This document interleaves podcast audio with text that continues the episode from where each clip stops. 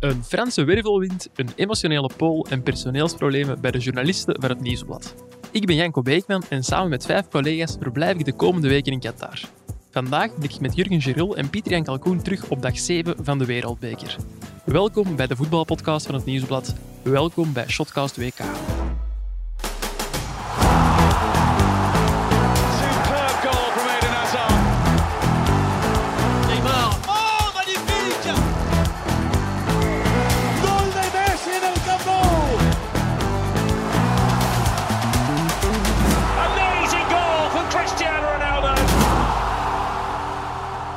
Dag Jurgen, dag Pieter Jan.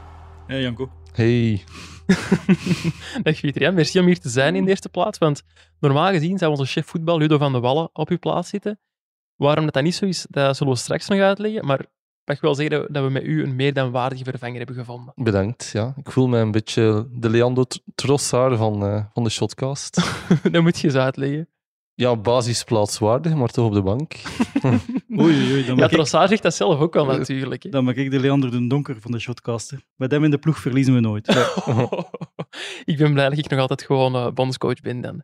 Ehm, we gaan straks eh, sowieso nog de matchen van vandaag bespreken, maar we gaan vandaag eens beginnen met de Rode Duivels, want vandaag, als de mensen luisteren, is het eh, natuurlijk matchday. Om eh 14 uur Belgische tijd spelen de Rode Duivels tegen Marokko hun tweede poolmatch op dit WK.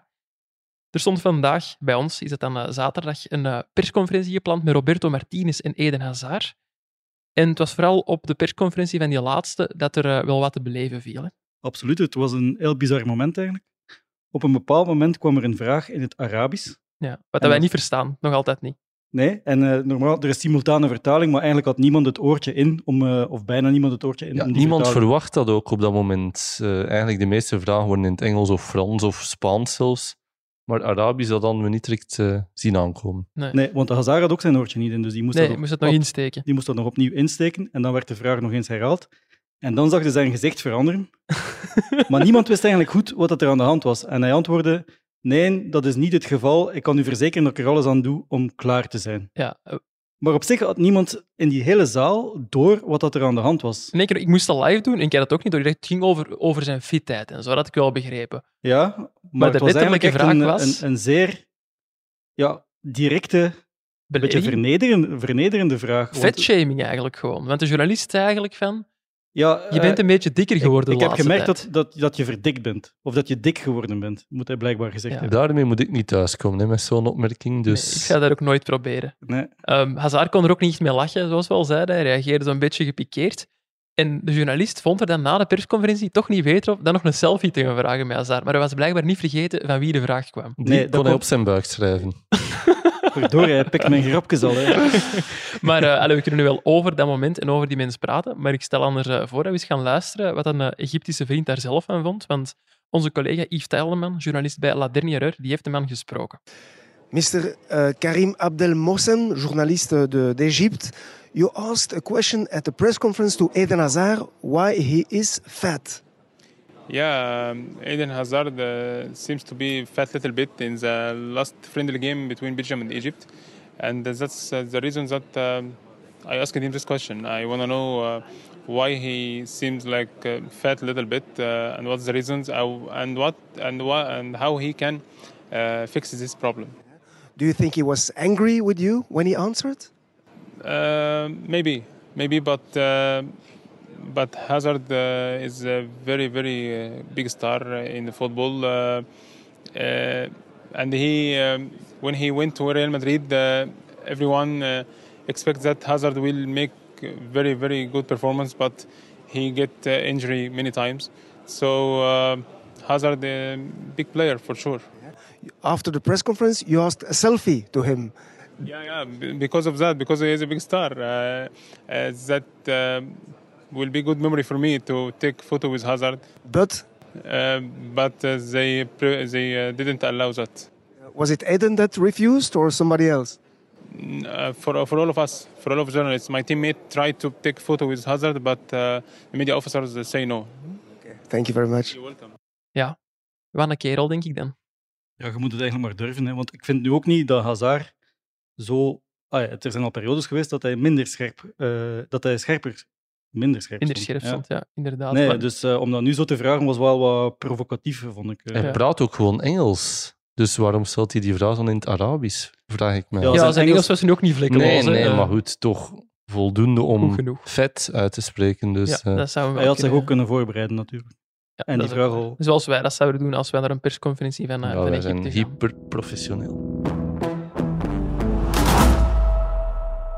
We zeggen nu wel van eh Hazard heeft al, eh, heeft al minder scherp gestaan. Ik vond hem inderdaad best scherp vandaag, ook over eh, de Rode Duivels. Hij- zei onder meer dat ze minder sterk zijn dan vier jaar geleden. Oké, dat viel nog mee. Maar toen hij een vraag over, eh, over de verdediging kreeg, zei hij ook wel letterlijk van ja, ja, ik weet het, we hebben niet de snelste verdedigers van de wereld, maar ja, ze weten dat zelf ook wel. Maar dat is ook een beetje typisch Hazard. hè. Zo met een kwinkslag iets, iets zeggen en, en daar een beetje Ja, grappend rond doen. Maar uiteindelijk verdedigde hij ook wel de verdediging. Ja, hij zei ook wel van ze hebben ervaring en ze zijn daarin Ja. beter geworden. Maar anderzijds, als, als je weet dat er al zoveel rond dat thema te doen is, Toby Alderweireld zijn, dan zou ik dat niet leuk vinden om te horen van mijn kapitein. Ja, oké. maar ook, ja, het is Hazard natuurlijk en iedereen kent hem wel een beetje. Ja, Die spielerij zit er altijd, zit er altijd in en dat zet ook misschien iedereen wel wat op scherp. Dat is ook een beetje zijn rol Hij heeft ook niets verteld dat we nog niet wisten uiteindelijk. hè. En niets verteld dat Toby zelf ook nog niet wist. nee, nee Dat zei hij zelf trouwens ook. Hè. Dat is waar. Ze weten het van zichzelf. Over eh, scherp zijn gesproken. Ik heb tijdens het eh, middageten vanmiddag iets gehoord van Jurgen Giroud, dat ik nog niet vaak heb gehoord over Eden Hazard. Die heeft toch echt een topmentaliteit, zei Jurgen. Ja, ik vind dat, ik vind dat ongelooflijk hoe dat hij in het leven staat. Ja, eigenlijk. ik, heb bedoel niet op vlak van trainen en zo dan. Nee, maar ik heb die vorig jaar bijvoorbeeld voor het EK ge- geïnterviewd, individueel. En Ja, ja. dat was echt een heel gemoedelijk, tof, tof gesprek. En het eerste wat dat Eden zei, eigenlijk, toen hij aan tafel kwam zitten, is... Jij mocht Eden zeggen al. Ja. Ja, ik, mag, ja, ik heb veel vrienden, hè, Janko, dat weten. Eh, ik mocht Eden zeggen. En het eerste wat hij zei, eh, we gaan niet te veel over voetbal praten.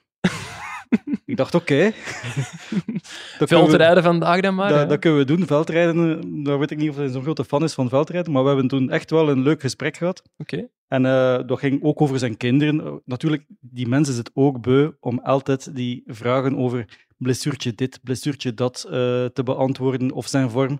En dat ging dan over zijn kinderen en zijn kinderen dat hij naar school moest brengen. Zijn zoon die ergens in Madrid, een van zijn zonen, voetbal speelt. Maar dat hij niet altijd de tijd heeft om, om te gaan kijken en dat hij dat wel Ja. vervelend vond. En ik herinner mij ook daarvoor, want we zat, ik zat daar even, daarvoor moest hij een promofilmpje opnemen met, eh, met een sponsor. En hij moest daarvoor een beetje acteren Ja. en iets inspreken in, eh, in een camera. Hij moest van achter de hoek komen. En elke keer opnieuw mislukte dat. of, de, of de camera stond niet goed, of hij viel over zijn woorden. Of... En een andere voetballer zou zich daar op, een- op den duur dood aan ergeren. Ja. Maar hij niet, die vond dat heel plezant. Die deed dat met een glimlach, iedere keer opnieuw, totdat het er perfect op stond. Dus dat, is- dat is ook wel typisch Eden Hazard. Ja. Even tussendoor, de berichtjes die je hoort binnenkomen zijn van Bart Laga. We hebben vandaag een relatief vrije avond, ja, buiten wij, want we zijn een shotcast aan het opnemen. En Bart die is eh, als eerste van ons is een, eh, een pintje gaan drinken in het centrum van Doha en die is dat nu met ons aan het delen. En hij gaat er meebrengen. Hij heeft beloofd dat hij voor ons ook een pintje zou meebrengen. Je zei net van uh, Eden Hazard wilde niet te veel over voetbal praten. Roberto Martinez, die vandaag ook een persconferentie gaf, die wilde net wel over voetbal praten. Er kwamen een paar eh, vragen over ehm, ja, het akkefietje dat er tijdens de match tegen Canada was geweest tussen eh, Toby Alderweireld en Kevin De Bruyne. Ja, volgens hem was er niks aan de hand. Hè. Dat wilde hij ook duidelijk maken. En toen dat er even later eh, een vraag kwam van een buitenlandse journalist, die eigenlijk weinig tot niks met de wedstrijd tegen Marokko te maken had, Nog met voetbal vond Nee, ik. ja. vond dat niet per se een fantastische voetbalvraag. Nee, maar reageerde Martinez toch met... eh, ah, finally, a football question. Ik vond dat heel raar. Dat is ook. toch zo wel laten horen naar de Belgische pers ook van... Allee, stop met, met polemiek te zoeken waar die er volgens hem niet is. Hè. Hij was, er, hij was een beetje uit zijn humeur, schreef Mhm. Ludo. En dat was misschien ook wel een beetje door opnieuw die vraag over Alderwereld en De Bruyne. Want er werd expliciet gevraagd van hoe zou je dat verzoenen? De Bruyne die combinatievoetbal wil spelen en Alderwereld die die lange bal wil spelen. Mhm. En dat irriteerde hem. Vind ik echt een voetbalvraag trouwens. Ja, tu dat is echt zijn een voetbalvraag. Ja, over tactiek.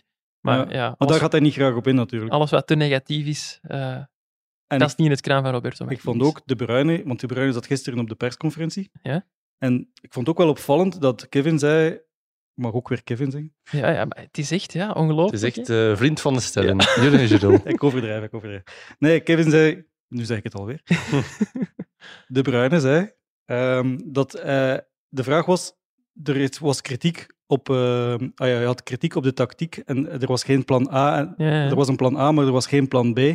En dan zei De Bruyne van, ja, ik, ik ben daar eigenlijk wel mee akkoord, met die kritiek.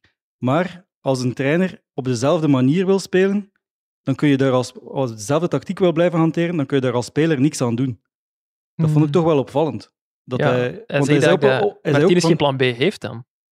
dat er geen plan B is, oké. eh, dat, dat, daar, daar kwam het eigenlijk op neer, dacht ik. eh, komt er eigenlijk op neer dat hij het- de, de kritiek op de tactiek snapt, Mhm. maar dat hij er als speler niets aan te zeggen heeft. Waarmee hij indirect zegt van, mocht ik het te zeggen hebben, dan, zouden we het anders doen.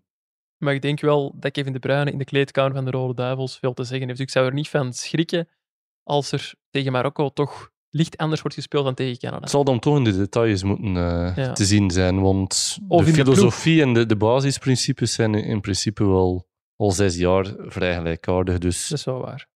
Over de basisploeg wil ik het ook even hebben. Ik denk dat we ja, tien namen al kunnen invullen. Er is er een elfde waar misschien nog discussie over is. hè, want dat- ik ben ook niet 100% zeker over de flankbezetting. Nee? Zou je er nog iets kunnen wijzigen? Ik weet dat Martinez op de afsluitende training voor Canada Ja. met drie verschillende jongens op de linkerflank heeft getraind. Trossard, Carrasco en Torgan Hazard. Omdat hij toen echt wel schrik had van de snelheid van Buchanan. Uiteindelijk is dan Terecht gewoon gebleken. de, de keuze op Carrasco gevallen, omdat hij het ook wel goed had gedaan tegen Egypte. Maar het feit dat hij er zo met verschillende jongens op getraind heeft, toont ook wel aan dat hij op de flank wat twijfels had. Hij zou nu Oké. ook ervoor kunnen opteren om, om Kastanje te om links te zitten en Meunier rechts. Die is ook wel vrij goed ingevallen. Dus in principe heeft hij daar wel wat wisselmogelijkheden, maar we hebben ook geen aanwijzingen dat hij daar iets zal veranderen. Dus ik snap je punt van Ja. de tien namen. Maar ik zou er ook niet, niet mijn huis op verwedden dat het... Zijn er dingen waarop dat jij wel je huis zou verwillen? Ehm, ja, nee, niet direct. Nu wordt ook, het gevaarlijk, natuurlijk. nee, Nu maar moet je een voorspelling doen en zeggen... ik doelde eh, eigenlijk op die positie centraal op middenveld naast Axel Witsel, waar tegen eh, Canada Yuri Tielemans stond en niet zijn allerbeste wedstrijd speelde. Ik eh, wandelde daar straks naar het perscentrum met Ludo van de Wallen, terwijl jullie de auto pakten, dat eh, geheel terzijde. En Ludo zei van, eh, ja, ik zie hem Hans van Aken nog wel zitten. Wat denken jullie daarvan? Ja, ik weet niet of het zo drastisch zal veranderen, want ehm, ja, Van Aken heeft ook meegedaan tegen Egypte en dat was ook niet Nee, geweldig goed. ook niet, nee. Maar ehm, oké, blijkbaar heeft, komt het weer door een opmerking van De Bruyne, die gezegd heeft van eh, om een of andere reden moest Tielemans plots hoog en rechts gaan spelen. Ja, En dat snapte hij niet. En daarvoor heeft het wel op een bepaalde momenten goed geklikt tussen De Bruyne en Van Aken. Zeker eh, toen, toen en als België dominanter moest voetballen en meer combinatievoetbal moest spelen. Dus daarom denkt Ludo dat misschien Van Aken Van Aken zal spelen. ja. En wie zouden jullie zetten? Onana, Van Aken? Ik denk in deze fase van het toernooi, om Tielemans niet helemaal mentaal te kraken, denk ik dat, je- dat hij gewoon Tielemans zal behouden. Ja. Zeker omdat we die eerste match tegen Canada gewonnen hebben en dat het eigenlijk zelfs een must-win is voor de Belgen, vreemd genoeg. Nee, ja, dat is raar na die match tegen Canada, inderdaad. En je zit ook met Onana, die al een gele kaart heeft staan. Ja. Dus als hij nog een gele kaart pakt, dan is, Is hij geschorst voor de misschien beslissende match tegen eh, Kroatië. Maar ja, anderzijds, als het al beslist is na de match tegen Marokko... Dat kan ook. Maar ja, dat, dat is moeilijk vooraf te, ja, dat, dat is onmogelijk vooraf te voorspellen. Dus je kunt Onana ook als invaller brengen als het moeilijk blijkt tegen Marokko. Om dan power en kracht te brengen en, en kopbalsterkte. op te Wat mij betreft kun je ook met Onana en Tielemans spelen. Maar ja, dan brand je Witzel natuurlijk weer helemaal af. En dat gaat Martinez nooit doen, dat weten we ook. Nee, Witzel is eerst op het blad nog altijd. Over de Marokkanen dan. Die eh, persconferentie vond onmiddellijk na die van de Belgen plaats. Jullie zijn ervoor blijven zitten. Met oortjes wel deze keer. Want Ja, dat was nodig waarschijnlijk. Inshallah. Eh, dat was ook een bewogen persconferentie, zeg ik. Want de bondscoach Walid Regraoui die kreeg eh, applaus van de journalisten. Vrij ongewoon in een perszaal, mogen we wel Zie je zeggen. ons Ja. al eens applaudisseren voor eh, Roberto Martinez? Dat doen we pas als hij wereldkampioen wordt. Dat hè. denk ik ook. in, in de Afrikaanse of Maghrebijnse wereld gebeurt dat wel iets vaker. Jij zit daar volledig in thuis? Niet volledig, maar op grote toernooien kom je dat soort Ja, ja. dingen wel een keer tegen. Dus bij ons houden journa- journalisten in ons land zijn echt geen supporters. Nee, totaal niet. Alhoewel ik, ik wel een paar collega's heb zien juichen tijdens de match tegen Canada. Ik had dat niet verwacht. Ik was de, de Belgen scoren tegen Canada en ik zo op mijn vuistje onder mijn desk zo gebald om te vieren. En naast mij sprong zelfs Jurgen Geril gewoon recht. Oh, rechtspringen is een groot woord, maar ik bedoel, op een WK vind ik dat wel nog kunnen. Omdat Ja. het echt meeleeft met, met de Belgische nationale ploeg. En ja, je wil gewoon dat ze zo ver mogelijk geraken. Dus als er dan gescoord wordt, dan zijn dat oprecht blij. Ja. Maar het is niet dat je daar op je eh, nee, stoel moet staan dansen mee. zoals eh, sommige Mexicanen en Brazilianen. Nee, nee, ik Eh, overdreef nu een beetje. Maar het is goed dat ik het weet voor die wedstrijd tegen, Maar tegen Christophe, Marokko. Christophe Liberlo knuffelt zelfs de collega's van de concurrentie naast hem. Ja, maar dat is mooi, dat is de Pax Media dan weer. dat, voilà. Maar dus om terug te komen op die Marokkanen. Ja, maar hij, hij- hij pakt hier een draad gewoon Ja, al. ja, hij solliciteert. Hij solliciteert. Ehm, ja, blijkbaar had, nee, blijkbaar had, had de coach of had de lokale pers de laatste tijd wel wat kritiek op de nationale ploeg. Zeker bij de vorige bondscoach. eh, En Halil eh zei de coach in het. eh, nee, zei het in het Frans, niet in het Arabisch, want ik denk dat hij zelf het Arabisch niet zo goed machtig is. Oké. Spreek misschien Berbers, de tweede taal eh, in Marokko. En hij zei dat het echt wel het moment is nu dat het hele land achter de, de ploeg moet staan, want dat ze echt iets groots kunnen verwezenlijken en dat het ook aan de journalisten is om een positief klimaat te creëren rondom de ploeg. Ja. Positieve vibe. En dat vonden de, de, de plaatselijke jongens, perslui, blijkbaar een inspirerende boodschap. Want eh, dan kwam er applaus. En achteraf een stormloop op de bondscoach voor, selfies. Louis van Gaal gewijs op de selfie. Met, ja. Dat is trouwens ook iets wat Thomas, Thomas Meunier gezegd heeft, eh, dat voor- over de Belgische pers, dat het onze taak is om ook wat positivisme te creëren eh, Dat is niet waar, rond hè. de nationale Dat Dat vind ik ook job. niet. Nee. Onze job is net om kritisch te zijn wanneer het moet. hè. Onze job is om correct te zijn. Ja, en kritisch. En soms eh, is dat kritisch, soms is Mhm. dat negatief, soms is dat positief. Maar het, eh, als de Rode Duivels willen dat er positief over hen geschreven wordt, dan moeten ze gewoon goed voetballen. Ja. En dan volgt de rest wel vanzelf. Ik denk niet dat er in Rusland één negatieve noot over de ploeg is geweest. Nee, inderdaad. Ja, tot de halve finale tegen de Ja, Fransen. maar ik bedoel, dat was echt een sprankelend toernooi. Echt eh, de chouchou van de hele wereld eigenlijk. Mhm. En dat hebben ze volledig zelf afgedwongen. En dan is het n- 100% normaal dat, dat de pers daarin meegaat. En dan nog het weerbericht met vandaag temperaturen tussen de 15 en de 23. Ja, ja, goal! Als zij spelen, speel jij. Bet live op ladbrokes.be. Gok met maten.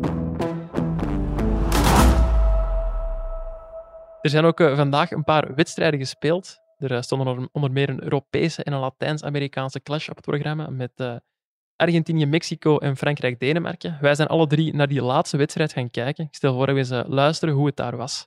Dag 7 van die 2K en ik ben hier net aangekomen aan Stadium 974. Stadion dat gebouwd is uit welgeteld 974 containers. We gaan eens kijken of Denemarken Frankrijk in dit containerpark bij het Groothuisval kan zetten. Hi, can I have uh, chicken shawarma, please? Um, another shop. Shawarma is not coming here. Hello. Uh, can I have a chicken shawarma, please? Thank you. Ja, mijn uh, match begint met vertraging, want mijn uh, Nederlandse collega heeft net mijn flesje cola omvergestoten. Mbappé heeft net uh, de bal keihard op het hoofd van Giroud getrapt. Voorlopig het uh, hoogtepunt van de match. Het is zover! 1-0 Frankrijk, Kylian Mbappé. Dan toch nog wat spektakel. Andreas Christensen maakt er 1-1 van. Hier uh, naast mij zit vandaag een Tsjechische collega. Ik wacht al heel de wedstrijd om een uh, mop over een VAR-check te kunnen maken. Ja, lap, minuut 84 en een Tsjech is al weg. 2-1 Frankrijk, opnieuw Kylian Mbappé.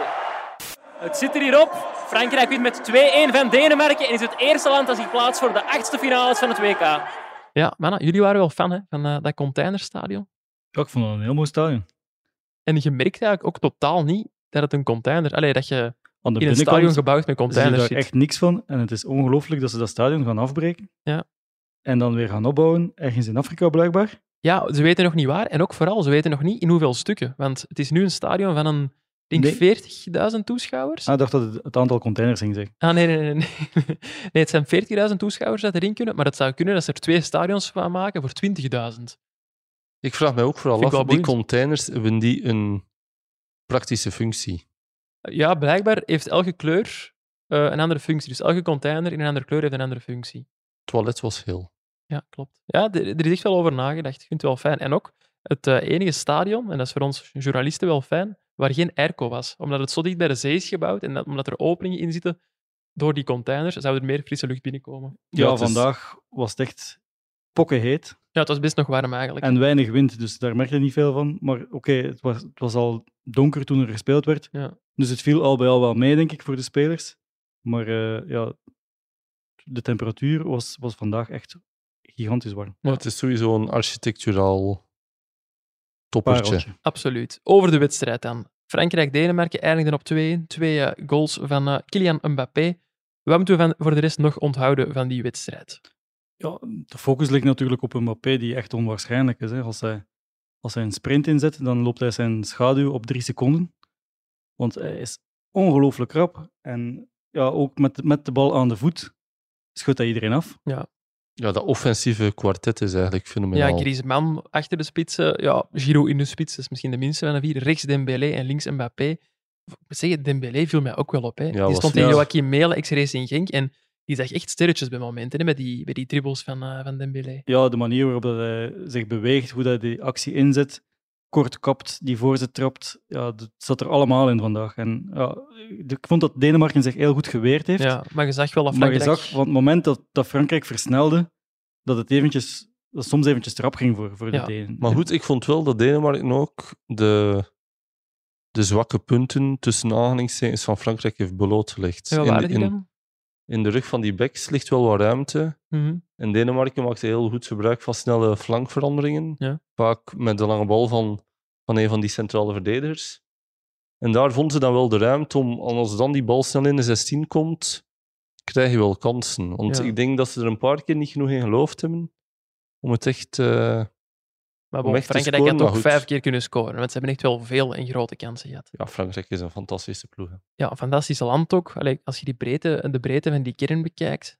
Pogba was er niet bij, Kanté is er niet bij, Benzema is er niet bij. Stel je Toch voor dat dit die nog voetbal eens kunnen meedoen, brengen ja, en, Ja. en deze ploeg kunnen opstellen. Is het dan ja, het beste voetballand van dit moment?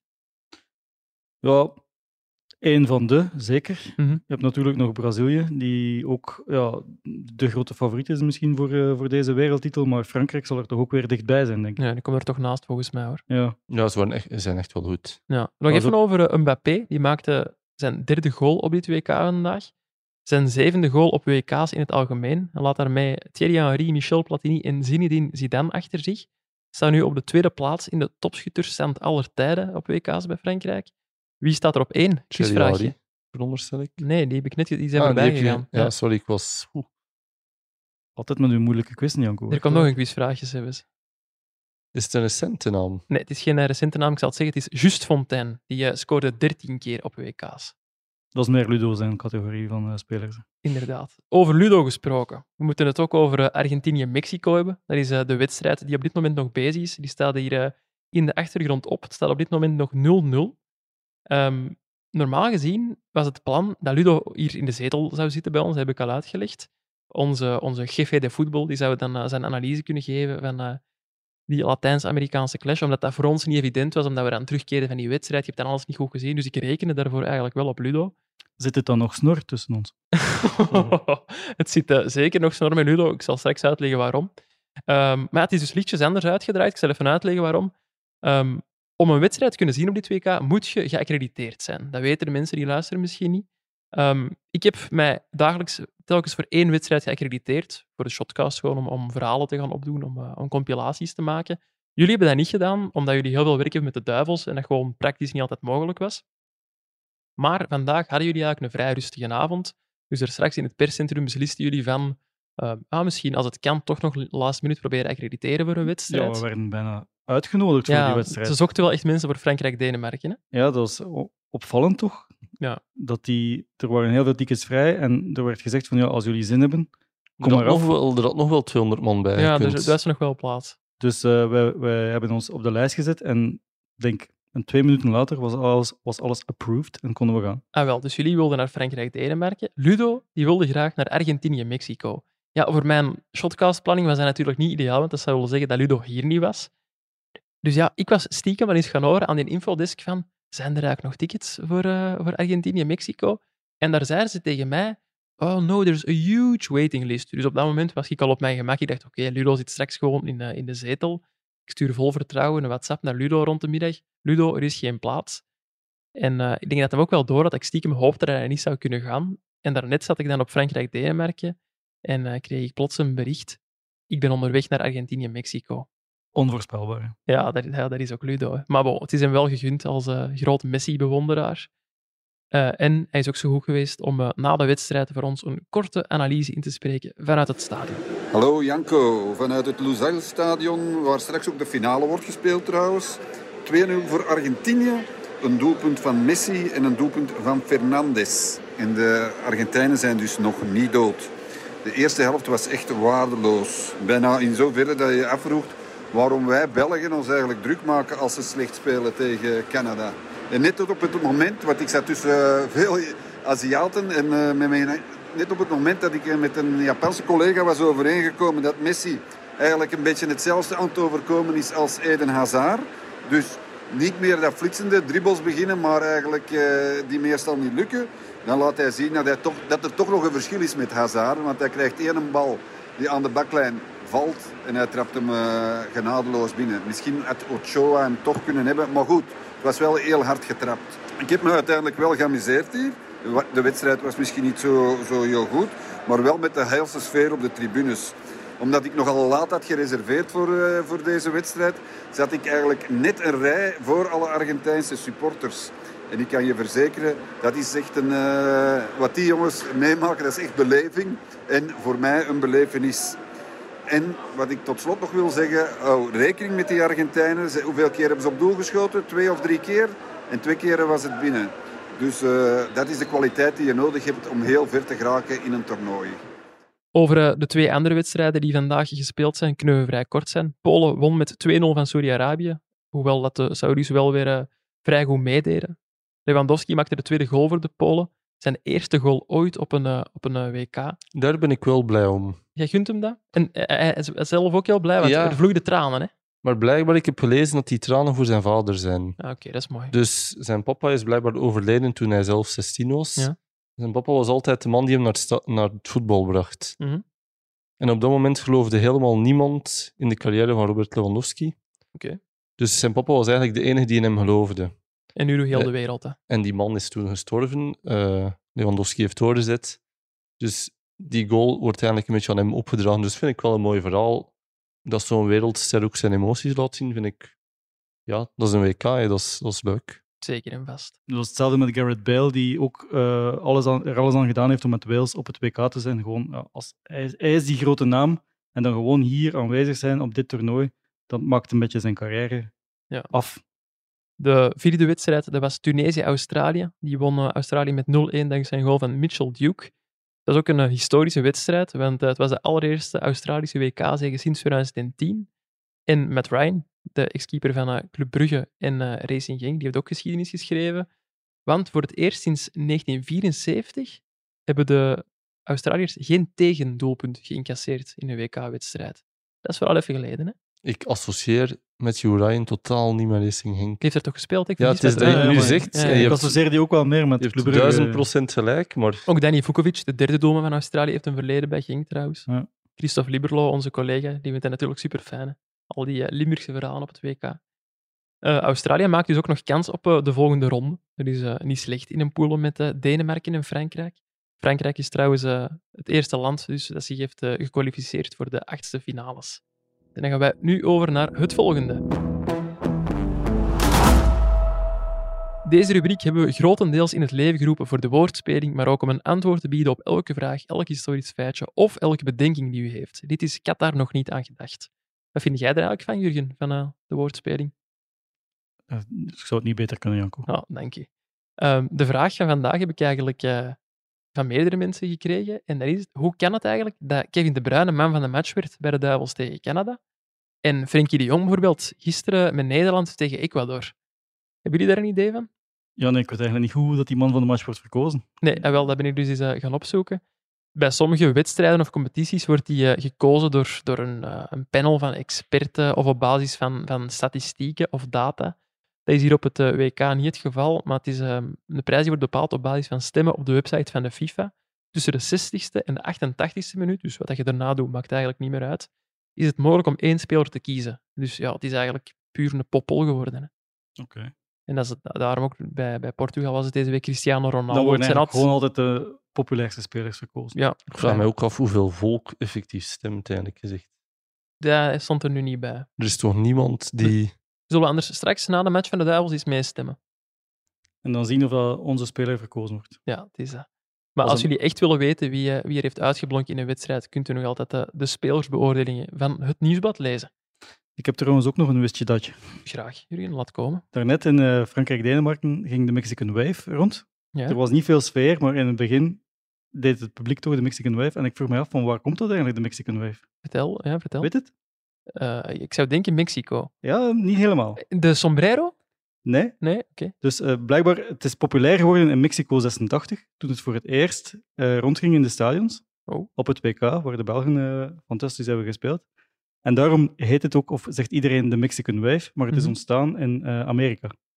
Blijkbaar in het eh, hockey eerst, en daarna in het baseball. In eh, de jaren, ik denk 79 was de eerste keer dat er eh, zo'n fenomeen was in de stadions en dat het rondging. En het is Ja. van Amerika overgewaaid naar, eh, naar het voetbal en in Mexico 86 populair geworden. Straf. Jij nog iets, Pieter Jan? Heb jij ook een weetje in petto? Nee, maar die had, ik had een leuk verhaal verteld vandaag. Allee, ik leg de lat nu meteen hoog voor mezelf. Nu weet ik- het was zo leuk dat ik het al vergeten ben. nee, dus iedere keer dat je naar de Rode Duivels gaat, ah, ja, ja, ja, dat klopt. Ja, dat heb je verteld, ja. Vragen de vriendelijke bewakers of veiligheidsagenten aan de bareel om Van de het- koffer het open te doen. trainingscomplex van de Ja. Rode Duivels, ja.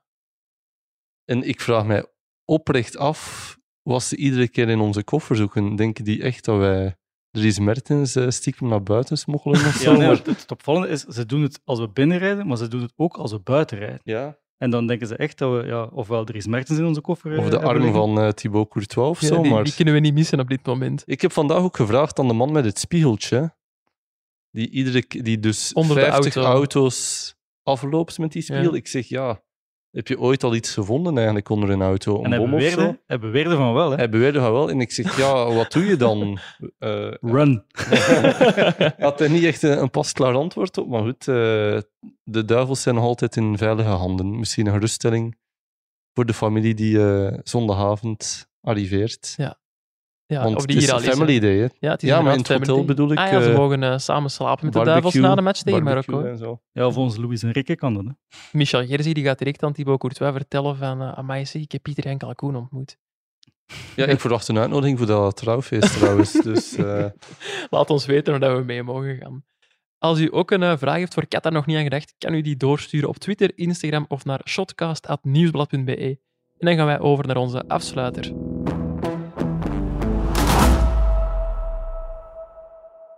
Ja, maar normaal gezien vraag ik nu wat er eh, vandaag op de planning staat voor jullie. Dat is duidelijk. Dat is eh, België tegen Marokko, een wedstrijd die om twee uur Belgische tijd wordt gespeeld. Jullie hebben blijkbaar nog plannen om, eh, om daarna nog iets te gaan eten of gaan drinken. Ik ga nog naar Duitsland-Spanje, de match van 10 uur Belgische tijd. De andere twee matchen, dat zijn Japan-Costa Rica om 11 uur in België en Kroatië-Canada om 5 uur. De twee andere ploegen in de poelen van de Rode Duivels.